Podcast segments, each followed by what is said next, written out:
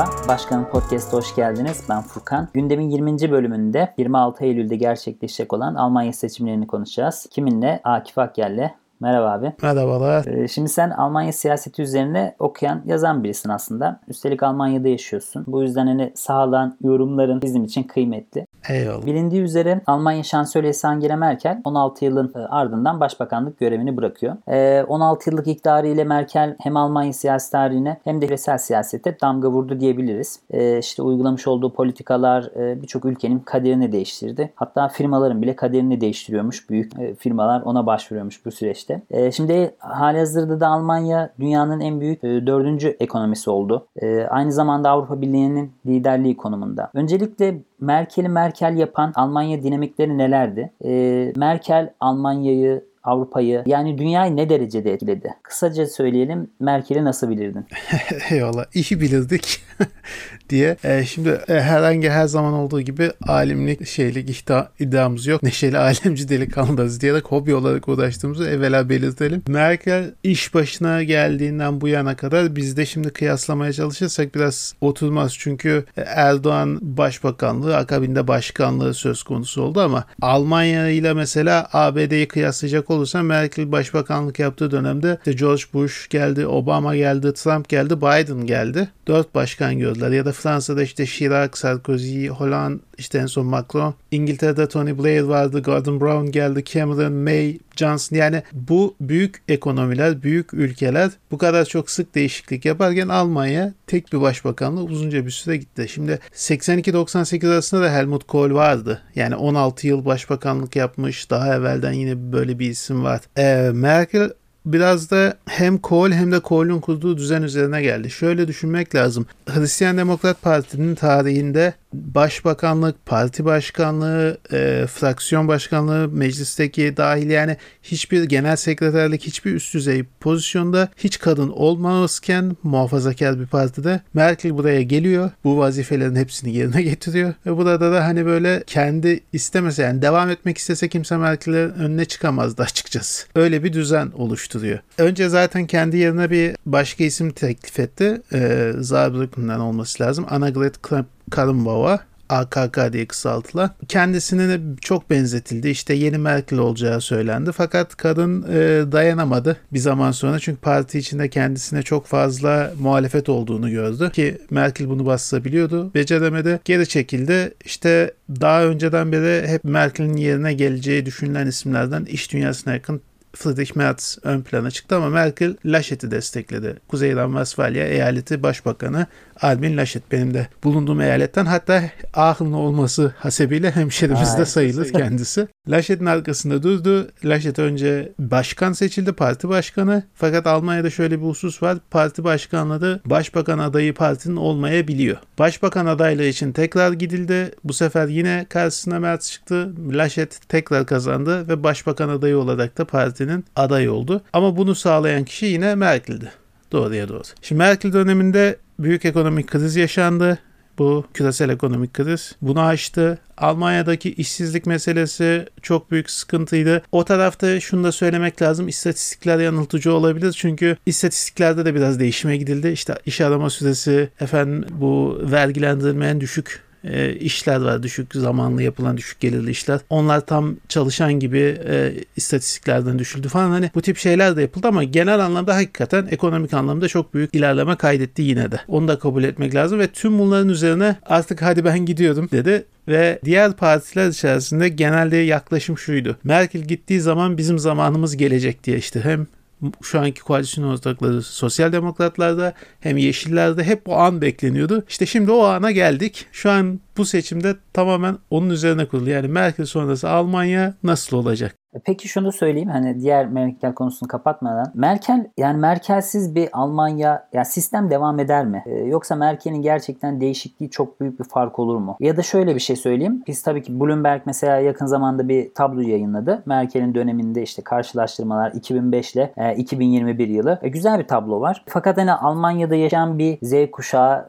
işte Stefan adında biri ne düşünür mesela Merkel hakkında? Sevmiyorlar. Onu da direkt söyleyeyim. Hatta dinleyen arkadaşlardan varsa genç arkadaşlarına Merkel övecek olanlar dikkatli olun. Gençlerin arasında büyük ölçüde Merkel sevilmiyor. Hatta Hristiyan demokratlar da sevilmiyor. E bu iki şekilde yorumlanabilir. Birincisi az sonra anlatacağımız partinin oy oranındaki düşüklüğe sebep olan bazı siyasi skandallar. İkincisi artık iktidar yorgunluğu var. Üçüncüsü ise muhafazakar partiler genelde mevcut düzeni devam için uğraşırlar. Stabiliteden yana olurlar. Gençler arasında ise daha yenilikçi hareketler daha fazla talep görüyor. Bu yüzden Merkel pek sevilmiyor. Bir de Merkel'in şey tarafı var. Şunu unutmamak lazım. Çok fazla pragmatist biriydi. Yani öyle aşırı ilkeli bir siyasetçi falan değildi. Yani o konuda biraz yanlış değerlendiriliyor diye düşünüyorum şahsen. Çünkü bu rüzgarı eğer iyi tahmin edemezsen bir sonraki adımda hem partinin içerisinde senin ayağını kaydırmak isteyenler hem karşısına çıkacağın seçmen nezdinde sıkıntı olabilir. Bir örnek vereyim. Kaç senesiydi şu an hatırlayamadım. O Fukushima'da nükleer santral kazası olmuştu. Japonya'da depremde hatırlarsın. O 2011 olabilir. Olabilir. E, deprem olana kadar öncesinde işte şey e, vardı. Bu sol hükümet vardı Merkel'den önce diyeyim. Bunlar bir program düzenlemişlerdi. Dediler ki biz nükleer santralleri Almanya'da kapatacağız. Artık atom enerjisi bitti. Biz bu işten çıkacağız diye. Merkel iktidara gelince ilk yaptığı iş dedi ki kardeşim bizim nükleer santrallerimiz Avrupa'da hatta dünyada en güvenilir olanlardan. Dolayısıyla bunları kapatmaya gerek yok çalıştırmaya devam edeceğiz dedi. Arkasından işte Fukushima oldu. Yeşil Hareket bununla bir dalga kazandı ve akabinde bu rüzgarla Almanya'nın en muhafazakar eyaletlerinden birinde Baden-Württemberg'de Hristiyan Demokratların kalesinde bir yeşil aday başbakan oldu. Merkel Çevre Bakanlığı yapmıştı daha önce bildiğim. Merkel fizik doktorası olan birisi. Dolayısıyla hani nükleer santraller hakkında fikir sahibi olduğuna eminim. Fakat orada Baden-Württemberg eyaletini kaybettikten hemen sonra dedi ki ya biz tekrar yeni program yapıyoruz ve nükleer santralleri zamanda oldukça kapatmaya devam edeceğiz diye. Böyle pragmatik bir isimden bahsediyoruz Merkel'den bahsederken. Onu göz önünde bulundurmak lazım. Anladım. Şimdi o zaman e, biraz Almanya e, seçimlerine girersek öne çıkan adaylar kimler? Koalisyon ihtimali ne durumda? Biraz da hani dış politikadan ziyade Almanya'nın iç gündeminde şu an ne konuşuluyor? Adaylar bu işte bir araya gelip düello böyle tartışma programlarında temel olarak ne konuşuyor? Şu an için ön plana çıkan başbakan olma ihtimali diyeyim olan 3 aday var. Birincisi Hristiyan Birlik Partilerin Hristiyan Demokrat Parti var. CDU ya da CDU dediğimiz. Bir de Hristiyan e, Sosyal Birlik var. CSU diye yazılan CSU. Bunlar aslında federal seçimleri birlikte giriyorlar fakat eyalet düzeyinde CSU sadece Bavyera eyaletinde var. Diğer tüm eyaletlerde CDU var seri var. Bu Hristiyan Birlik Partilerinin ortak adayı ise Armin Laschet. Az evvel bahsettiğimiz. Sosyal Demokrat Parti'nin SPD'nin adayı Olaf Scholz ön plana çıkıyor. Hala hazırda Maliye Bakanı koalisyon hükümetinde. Die Grüne var Yeşiller yani. Onun adayı Annalena Baerbock yine öne çıkan diğer isim başbakanlık için. Liberal Demokrat Parti, Sol Parti, işte ırkçı, AFD, Almanya için alternatif bunlar biraz daha nasıl diyelim e, kitle partiler ama e, herhangi bir iddiaları yok bunların. Daha çok koalisyon ortağı olma hedefleri var. E, bunlar içerisinde şu an işte işin tuhafı Olaf Scholz ön plana çıktı. Bir anda yani hiç kimsenin beklemediği herkes Laşet'le Baerbock arasında bu yarış gidecek derken Scholz geri planda kalarak sessiz, sakin bir biçimde bir anda anketlerde zirveyi gördü. Yani aktüel şu anki anket %25 olduğu söyleniyor ee, sosyal demokratların e, şu an. En son e, önümde bu insanın yaptığı 18 Eylül tarihli bir anket var. Site Online'da çıkan. 26 civarında onlar sosyal demokratlara 22 birlik partilerin Hristiyan Birliği %16 ise yeşillere yazmışlar. İşte gidişatı etkileyen şeylere de iyi bakmak lazım. Çünkü yani şu an işte yüzde kırklardan düştü Hristiyan Birlik Partileri buraya. Bu nasıl oldu? Buna bir bakmak lazım. Yahut Yeşiller işte bir anda e, yüzde otuzlara falan görmeye başlarken nasıl oldu da tekrar böyle 16'lara kadar düştü. Bunu iyi gözlemlemek lazım. Bunların birkaç sebebi var. E, adayların profilinden önce istersen bunları bir konuşalım bu oy alanları niye bu kadar değişti? Nisan öncesiydi yanlış hatırlamıyorsam maske sıkıntısı çıktı. Bu maske sıkıntısı ya da maske hadisesi dediğimiz hadise Hristiyan Demokrat Parti üyesi bazı siyasetçilerin ülkeye maske tedariğinde yaptığı aracılıktan elde ettikleri devasa komisyonların ortaya çıkması. Spiegel'de bir rapor yayınlandı. Bunlar devasa komisyonlar almışlar. Öyle şöyle düşün. Bir tek birim maskenin 2,5 avro gibi bir fiyata temin edildiği ortalamada 10 avroya maske temin eden var. O 8 avroya falan maske temin eden var. Aradaki o kısmı alıp cebine indirdikleri ortaya çıktı. Bir tane milletvekilinin e, dokunulmazlığı kaldırıldı. Birkaç tane de bunlarla ilintili kişilerin hala davası devam ediyor. Ki içlerinde Sağlık Bakanı da var. Sağlık Bakanı iki tane Berlin'in en pahalı yerinde villa alınca bir e, önce bir şey oyun olmuştu, kaynamıştı. Sonradan patladı. Bunun üzerine zaten oy oranları inanılmaz düştü. Akabinde işte Laşet'le Baerbock'un adaylıkları açıklandı. Laşet her ne kadar bu eyalette Kuzeyden Vesfalya'da sevilen tanınan bir isim olsa da Almanya çapında işte o Merkel'in hani devamı olacak hissini vermeyen bir isim. Böyle karizmatik bir isim de değil. Kısa boylu böyle e, sevimli bir figür hani biliyor musun? O karizma da yok. Baerbock'sa genç, dinamik. işte yeşillerin şu an inanılmaz bir rüzgarı var arkasında. Özellikle iklim konularında gençler işte bu işte, Fridays for Future denen eylemler var ya hani Greta'nın falan oldu. Onlarla biraz daha bir yükselişe geçti. Fakat ne oldu? Akabinde Baerbock kitabında, doktora tezinde işte bazı sıkıntılar, kişisel geçmişinde bazı sorunlar bunlar gündeme geldi. Bunlarla mücadele edemedi. Yani şey diyemedi ya bunlar çok önemli meseleler değiller. Benim işte kitabın bir kısmında birisinden alıntı yapmış. Ya kitabı ben yazmadım birilerine yazdırdım diyebilirdi mesela atıyorum. Yani bunun üzerine çok gitmedi. Bu da sürekli böyle yıprandı bu ikisi ön plandayken Scholz bu esnada bahsettiğimiz gibi sosyal demokratlarında da sakin, sessiz bir biçimde devam etti. Ta ki Ağustos ayına doğru bu Temmuz sonunda olmuştu yanlış hatırlamıyorsam sel felaketi oldu benim bu, bulunduğum eyalet dahil güneydeki biraz daha güneydeki kuzey e, Rheinland-Pfalz eyaletinde sel felaketini yönetme konusunda mevcut hükümet çok kötü bir performans gösterdi. Kuzeyden Westfalia eyaletinin olması dolayısıyla eyalet başbakanı sıfatıyla Laşet ekranlarda çok göründü. İşte bu görünme kısmı iki türlü olabiliyor. Birincisi senin faydalanabilirsen eğer sürekli olarak ekran önündesin. Bu sana olumlu yansıyacak fakat kötüyse eğer yaptığın iş. Bu da olumsuz dönüyor. Bir sahne vardı herkesin aklına kazanan Frank-Walter Steinmeier Almanya Cumhurbaşkanı bu sel afet bölgesini ziyarete gelip konuşma yaparken arka planda Laschet arkadaşlarıyla kıkırdayarak böyle bir şeyler konuştuğu görüntüsü. Aynısı akabinde aslında Steinmeier da yine Laschet konuşurken o da arka planda aynı şekilde görüntülendi ama o seçime girmiyor. Bunun üzerine tekrar oy düşüşü yaşandı ve işte bugünkü noktaya geldik. Hani so şeylerden Hristiyan demokratlardan ve Yeşiller kendi parti partilerine, adaylarına oy vermeyi düşünmeyen seçmen alternatif arayışına girdi ve bir anda sessiz sakin hiçbir şey yapmayarak e, sosyal demokrat adayı yükselişe geçti ve ilginç bir şekilde kimsenin beklemediği bir şekilde adam şu an lider konumunda. Profiller demiştik kısaca onları da hemen geçeyim. Scholz başbakan yardımcısı şu an Maliye Bakanı iş olarak avukatlık yapıyor. iş hukuku uzmanı. 2002'den beri de partinin genel sekreteri ama çok daha öncesinde bu Genç Sosyalistler diye bir örgüt var. Young Sosyalist'in ya da YUZO dedikleri kısaca. Buradan yetişme hani parti içinde dolayısıyla tanınan birisi. 2009'dan beri genel başkan yardımcılığı yapıyor. İşte öncesinde bir Hamburg Belediye Başkanı görevi var. Çalışma Bakanlığı var. Yani devlet tecrübesi çok kuvvetli olan bir isim. Dolayısıyla bu güven veriyor insanlara.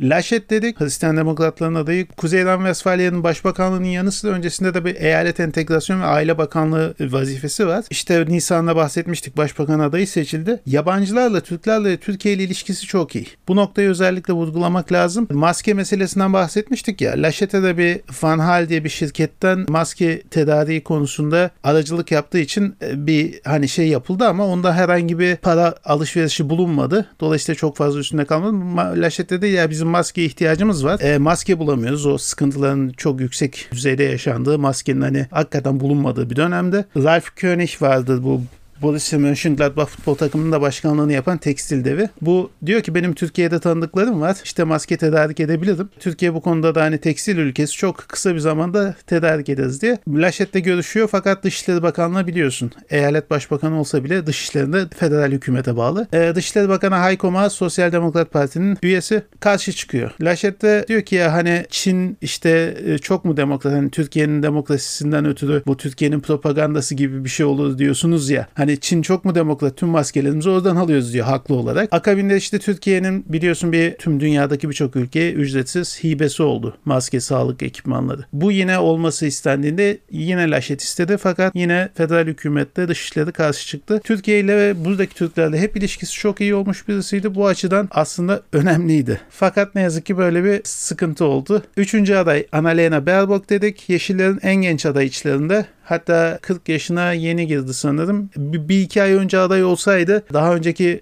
en genç aday Guido Westerwelle'nin rekorunu kıracaktı. Robert Habeck ile eş başkan. Parti tecrübesi ama çok az. 2008'den beri aktif siyaset içinde ama Yeşillere üyeliği 2005. Hani öncesi yok. Arkasındaki o rüzgardan hiç faydalanamadı. Hani her ne kadar solu temsil ediyor görünse de çok varlıklı bir aileden geliyor. Çok iyi bir eğitim almış birisi. Bu işte bahsettiğimiz kitaplarındaki alıntı meselesi, yanı sıra yaptığı işlerden beyan Avrupa şeyde Almanya'da şöyle bir durum var. Milletvekilleri başka işlerle uğraşabiliyor.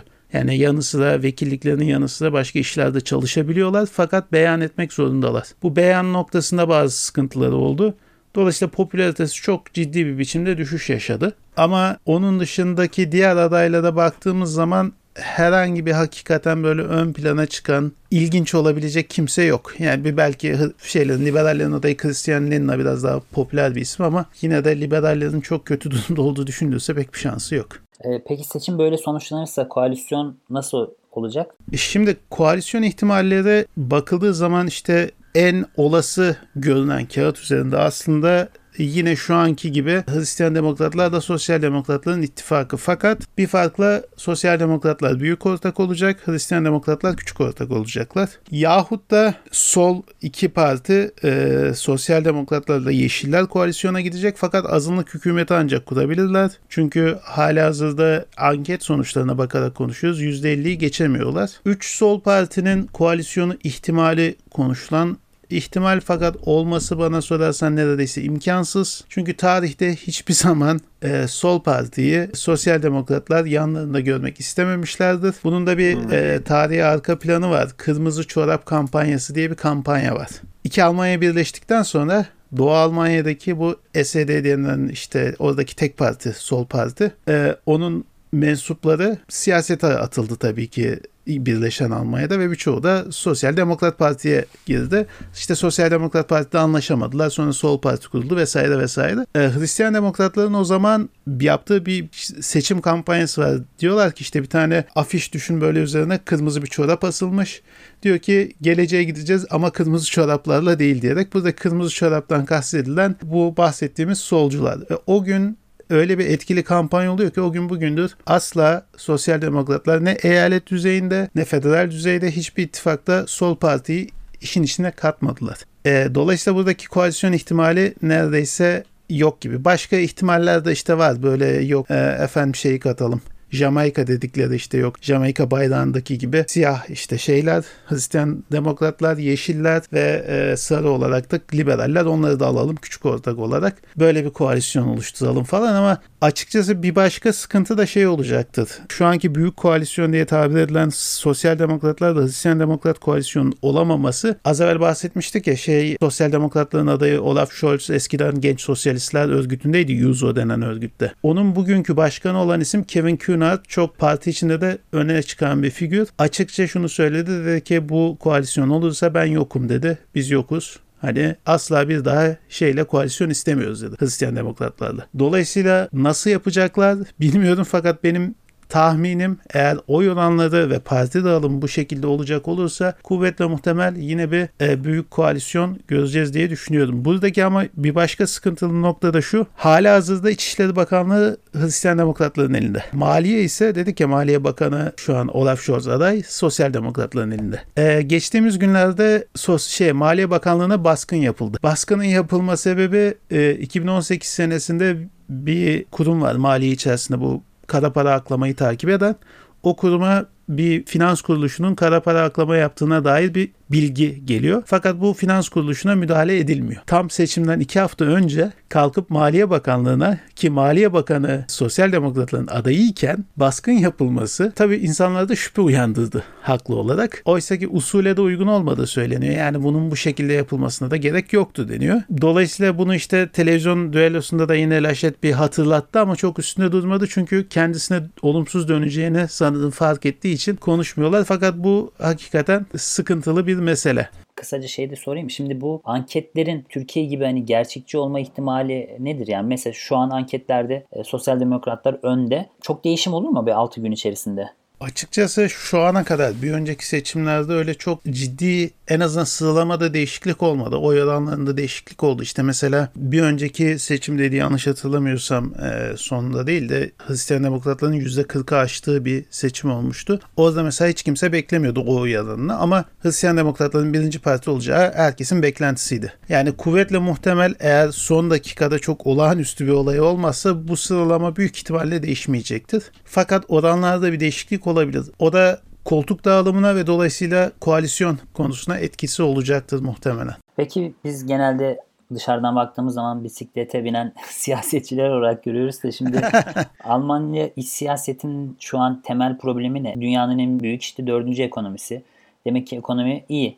Alternatif böyle çok fazla hani bir olay var mı? Temel problem ne? Ya mesela gündemi ne oluşturuyor şu an? Şu an şöyle söyleyelim. Normalde aşırı sağ parti ve sol partilerin yani sağda AFD Almanya için alternatif. Solda ise Linke, sol parti. Bunların hani bir 2015'te bir yükseldiği vaki. Çünkü e, 2015'te bir mülteci akını oldu. Bu e, iki taraftan da bir biçimde iki taraftan da bir biçimde istismar edildi. Öyle söyleyeyim. Dolayısıyla hani her zaman nerede bir istismar olursa e, orada bir tepki oyla doluşuyor. Bu seçim öncesinde de özellikle Covid yüzünden mesela yine böyle bir yükseliş olacağı tahmin ediliyordu. Çünkü şu anki asıl mesele ekonomi bunun da en büyük gerekçesi Covid. E, kapatmalar, kısıtlamalar vesaire hakikaten ekonomiyi çok ciddi etkisi oldu. Bir yandan tabii sel felaketiyle birlikte çevre politikaları tekrar çok gündeme geldi. Çünkü iklim değişikliğinin etkileri görülmeye başlanıyor. E, yani düşün ki yüzlerce yıldır aynı yerde olan hiç tarihinde sel görmemiş bir köy bir anda sular altında kalınca insanlar e, ne oluyoruz acaba demeye başladı. Fakat burada da işte şey var. Yeşiller işte bunu ön plana çıkarıyor ama günlük hayatta, gündelik hayatta insanların çok daha başka kaygısı var. Yani insanlar diyor ki evet tamam iklim meselesi mühim ama ya ben arabama binmek istiyorum. Bana yeni araba aldırma. Yani ben işte yemek yemeye devam etmek istiyorum. Et yemeyeceksin meselesi ya da işte ne bileyim benzin kullanmayacaksın. Ya hani benim başka bir şey yapma imkanım yok. Şimdi zaten hani ekonomik olarak sıkıntıdayım. Sen bir de bana diyorsun ki git işte şey yap. Yok işte çok daha pahalı e, ne bileyim ete benzer böyle ottan bir şeyler uydurulmuş onu ye. Yok işte elektrikli e, araçlar ya da elektrikli git kendine araba al. Ben sana şey yapacağım falan. Bunlar hani insanlar şey yapmak istemiyor daha temel meseleler var. Mesela ev meselesi şu an en büyük sıkıntısı Almanya'nın konut konusu. En son şeyin bir raporu vardı. Tam Türkçe ismini e, bilemeyeceğim ama hani Almanya'daki evsizlikle mücadele amaçlı kurulmuş bir kurum diyeyim. Bunlar diyor ki 2009 senesinde çalışıp ev bulamayan, evsiz olan insanların oranı %6 idi Almanya'da. 2019 senesine geldiğimizde bu %11,7'ye çıktı. Yani adam çalışıyor fakat evi yok. Dolayısıyla diyor hani bu neredeyse iki katına çıktı. Böyle bir sorunumuz var diyor. Kimisi bir biçimde işte arkadaşı işte bir ona o da kanepe ayarlıyor kalıyor. Kimisi e, evsizlerin barınağında kalıyor. Hakikaten adam çalışıyor yani normal işi var. Fakat e, kalacak ev bulamıyor. İşte Berlin'de mesela bir e, üst limit vardı konutlar için. Daha fazlasını işte e, talep edemiyorlardı. O bir anda kaldırıldı ve şu an kiralar katlanarak arttı. Hani böyle %10-20 falan değil. 2 kat 3 katına falan çıkarak arttı. Çünkü o zamana kadar hep düşük tutuluyordu ve Berlin AB ülkeler içerisindeki başkentlerde en ucuz olanlardandı kiralık konut konusunda. Şimdi bunlar olmaya başlayınca bu kadar insan bir hareketlilik oluştu da adam önemli olan şey şu an o. Yani ev bulmak istiyor. Umurunda değil onun işte iklim değişikliği meselesi. Öyle söyleyeyim. Ya da gündeminin çok alt sıralarında. Anladım. Ee, neden bu konut yapımına izin verilmiyor? Niye daha fazla e bina yapmıyorlar? Onu.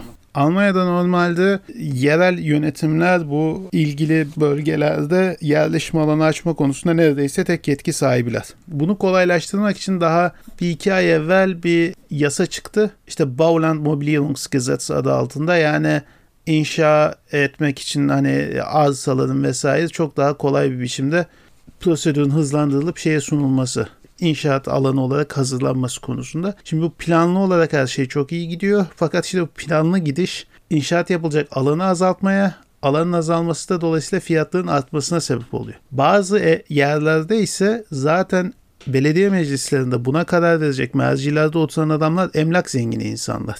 İşin bir de böyle bir boyutu var.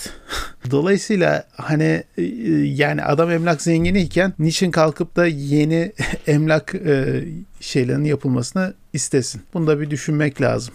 Yani temelde mevzular bunlar. Yahut işte Yeşillerin mesela yine çok fazla ön plana çıkardı bu glifosat meselesi var. Bir çeşit ot ilacı. Bunun yasaklanması çok tartışıldı Almanya'da mesela. E, şu anki hükümet buna işte daha yeni bir yasa, yasa çıkarıp e, kısıtlama getirdi seçimden önce hemen falan. Yeşillerin gündeminde olan bu tip meseleler çok fazla diğer şeylerin gündeminde değil. İşte pil geri dönüşümüymüş ne bileyim araçların bu dağıtım ağlarıymış şey benzin e, şey hızlı şarj istasyonu özür dilerim. Yani 1389 tane hızlı şarj istasyonu var Almanya'da. Şey 14 bin tane benzin istasyonu var buna karşı. Yani hala çok yavaş. inanılmaz devlet teşviğine rağmen. Hedefler çok uçuk çünkü. 2035'ten itibaren içten yanmalı motorlu araç üretilmeyecek deniyor bu ülkede. Böyle evet. bir hedef koyulmuş. Bu hedefi hani nasıl tutturacaksın? Yani dolayısıyla halkın geri kalanında da hani bir şey var hep her zaman. Buna da bir tepki var. Ya istiyorlar ki ya bunun bedelini hani bize ödetmeyin. Anlatabiliyor muyum? Dolayısıyla bu çevre politikaları çok fazla ön plana çıkmıyor. Daha çok ön plana çıkan yani söylemde diyelim var ama daha çok ön plana çıkan vergi düzeyi nasıl olacak? Konut meselesi sorunu nasıl çözülecek? En büyük mesele ve Covid'den ötürü oluşan bu ekonomik sıkıntılar nasıl atlatılacak? Bunlar çok daha şu an önemli mevzular. Bir başka önemli mevzu ise yani dış siyaset bu arada hiç konuşulmuyor onu söyleyeyim de. Yani önceki seçimde Merkel'le o zaman Per Steinbrück'tü sanırım e, sosyal demokratların adayı. Neredeyse yarım saat Türkiye ve Erdoğan konuşulduğu vaki. Hmm. Hani e, bu sefer dış siyaset e, hiç konuşulmuyor. Çünkü hakikaten içeride çok başka meseleler var. E, önemli olan ön plana çıkan. Aşırı sağ mevzusu mesela çok fazla konuşulmuyor. Bu da ilginçtir. Yani gündem olmadı. Geçen seçimlerde aşırı sağ bayağı gündemdi. Ee, dış politika evet, bayağı gündemdi. Şu an demek ki Covid'in demek ki çok büyük bir etkisi var ya buna. Ben aşırı sağla alakalı şu noktada yalnız e, biraz garipsiyorum mevzuyu. Ordu'da poliste ırkçı örgütler vardı mesela. Devlet bunların üstüne gidiyor ama çok fazla bir nasıl diyeyim sonuç buradan çıkacağını zannetmiyorum. Çünkü Hans-Georg Maaßen eski iç istihbarat başkanıydı. Bu adam şu an Hristiyan Demokratlardan aday. E, biraz e, tuhaf bir figür. Aşırı sağcı isimler onun yönetiminde bu kadar kolay örgütlendi. Yine bu AFD dediğimiz partiyle aşırı sağcı partiyle diğer partilerin hiçbirisine koalisyon kuruyor ne birlikte hareket ediyor. Aksine hatta mesela bir toplantıya gitmiştim. Tüm partilerin temsilcisi olan adamlar hani toplantı esnasında AFD'ye karşı nasıl hareket ederiz falan konuştular. Yani hepsi birlik olmuş şekilde karşılar. Fakat işte bu itme diyeyim bir yerden sonra tepkiye dönüşebiliyor. Yani bu korona ile birlikte maske aşı karşıtları mevzusu oldu biliyorsun bizde de geçen bir toplandılar Maltepe'de. Evet.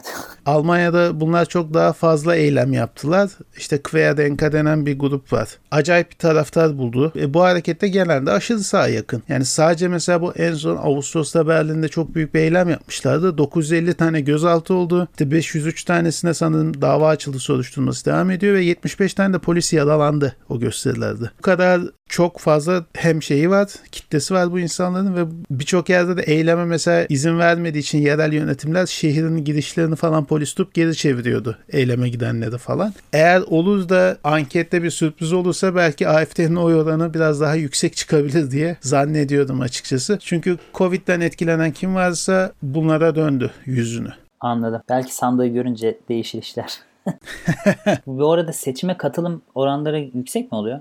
E, seçime katılım oranları genelde düşük fakat en son seçimde yanlış hatırlamıyorsam daha yüksekti. %80'leri falan görmüştü diye aklımda kalmış. Hemen senle konuşurken bu esnada ben de direkt bakıp hemen söyleyeyim sana. Avrupa seçimlerinde en son e, 65 ile 60 arasında hep değişmiş. E, şeyde ise 75-77 evet diyor o civarda. En son 2017 seçimlerinde katılım oranı 77 civarı. 83'te %90'a yakınmış en yüksek o. Almanya'da son diyelim 30 senede falan yaklaşık. Evet. Bakalım 6 gün sonra şey göreceğiz. Ee, şimdi genel olarak o zaman e, dış politika çok konuşulmuyor dedik ama Türkiye'nin kaderini biraz etkileyebilecek bir seçim. Çünkü Merkel'in başardıkları var, başaramadıkları var. Türkiye ile bir lider diplomasisi vardı. Malum e, Cumhurbaşkanı ile arası iyiydi. E, bir lider diplomasisi yürüyordu. Fakat Merkel'in başaramadığı birkaç Türkiye'de temel mesele var. İşte PKK, FETÖ adamlar orada istedikleri gibi dolaşıyorlardı. Bir şey yapılmıyordu. E, NSU cinayetleri var. Mesela Merkel'in yine bunlar çözemediği problemler ya da hani Türkiye'ye yardımcı olmadığı, bu konulara pek e, dokunmadığı problemlerdi. Şimdi Türkiye ile ilişkiler nasıl olacak? Sistem devam mı eder? Yani Almanya'nın devlet aklı vardır, devlet dış politikası vardır. Ona göre mi devam eder yoksa e, Merkelsiz bir Almanya-Türkiye ilişkileri e, büyük değişimlere yol açar mı? Çünkü bir de şunu da söyleyeyim. Merkel... Fransa Cumhurbaşkanlığı seçimleri de geliyor. Belki Macron değişebilir. Avrupa'nın tamamen dengesi değişebilir. Merkel de gidiyor. Eğer Almanya çok fazla iç siyasete yönelecekse, dış politikada artık aktif olmayacaksa bunun ucu bize dokunur mu? Neler olur?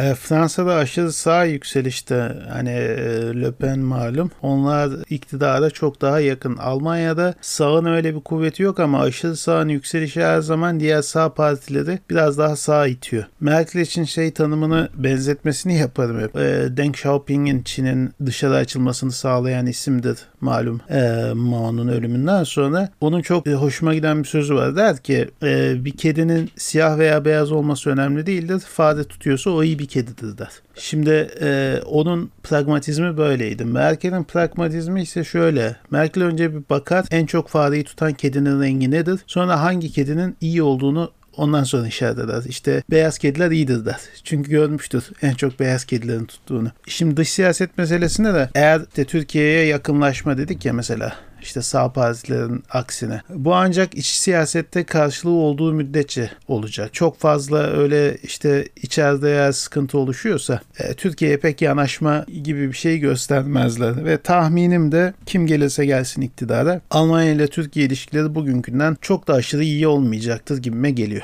Friedrich Merz bu Armin Laschet'e kaybeden aday onun mesela çok açıkça bir çağrısı var. Demişti ki kardeşim biz Tamam AB'ye almıyoruz ama Rusya, Türkiye gibi büyük ülkeler var. Bunlar AB'ye komşular. Ekonomik olarak, askeri olarak biz bunlarla işbirliği yapabiliriz, yapmalıyız diye bir çıkış yapmıştı. E, Mertz'in Hristiyan Demokrat Parti içerisinde çok ciddi bir şeyi vardı bu anlamda desteği vardı. E, dolayısıyla parti içerisindeki bazı figürlerin e, bu yönde talebi olduğu e, bariz ortada. Fakat sosyal demokratlarla alakalı sıkıntı şu. Sosyal demokratlar geçmişte de şu anda eğer şeyi saymazsak, e, Gerhard Schröder dönemini saymazsak Türkiye konusundaki tavrı diyeyim genel anlamda ikizcikli oldu hep. Çünkü içeride şu an onların olsun Sol Parti'nin yeşillerin içerisinde çok fazla e, Türkiye ile sıkıntılı figür var. İşte bunlar bahsettiğim gibi PKK'ya yanlış yanaşmış olabiliyor. Bunlar FETÖ ile ilintili, iltisaklı olabiliyor. Dolayısıyla bu sorunları ben kim gelirse gelsin çözüleceğini zannetmiyorum. Parti programlarına baktığında da zaten Türkiye'nin geçtiği, adının geçtiği tek parti programı Hristiyan Demokratlar. Yani e, bir önceki programlar şu an aklımda yok ama kuvvetle muhtemel hemen hepsinde Türkiye ile alakalı bir şey muhtemelen vardı 2017 seçimde. Zaten 16'da darbe oldu malum girişime. Manşetlerde sultan falan şeyler çıkardı. Gündem olurduk. Artık gündemde değiliz. Kendi dertleri daha fazla. Yes. Hristiyan demokratlar da zaten Türkiye'nin AB üyeliği yahut ona benzer şeyleri artık öyle çok fazla dile getirmiyorlar ama e, bir ortaklık istiyorlar.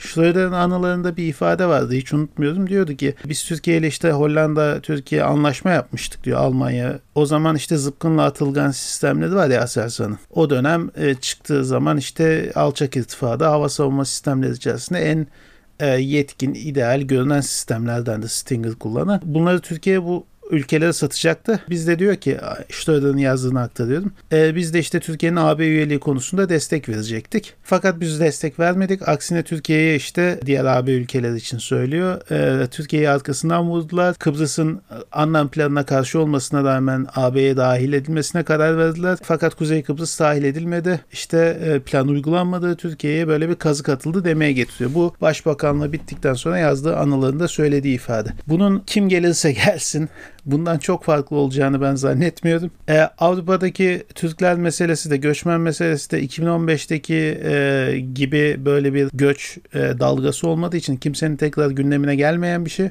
2017 seçiminde olduğu gibi. Yani şu an ne göçmenler konuşuluyor, ne mülteciler konuşuluyor, ne dış siyaset konuşuluyor. Açıkçası çok da kimsenin umurunda değil gibi görünüyor. Türkler ağırlıklı olarak kimi destek?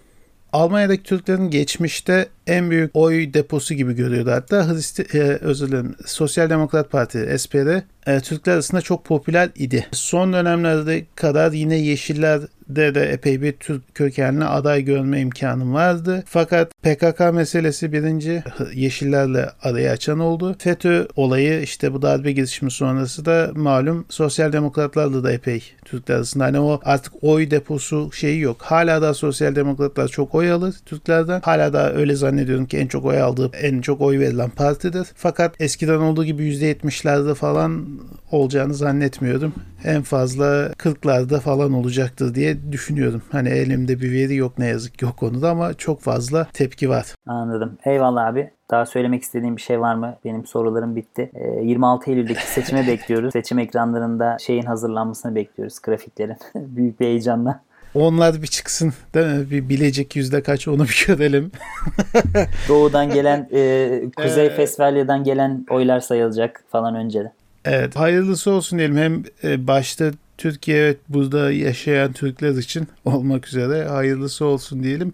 Her durumda bir biçimde Türkiye ile oturup konuşup diyaloğa girmek zorunda kalacaklardır. Fakat e, kimin olduğu, kiminle o masaya oturacağımız belirleyici olacak. İnşallah e, hem buradaki yabancılar olarak hem Türkiye olarak Merkel'i aramayız. Eyvallah. Ee, evet gündemin 20. bölümünde 26 Eylül'de gerçekleşecek olan Almanya seçimlerini ve Merkel'i biraz konuştuk. Ee, bizi dinlediğiniz için teşekkür ederiz. Bizi sosyal medyadan, Twitter'dan, Başkanın Podcast'ten takip edebilirsiniz. Soru, öneri, görüşlerinizi e, Twitter'dan, DM'den atabilirsiniz.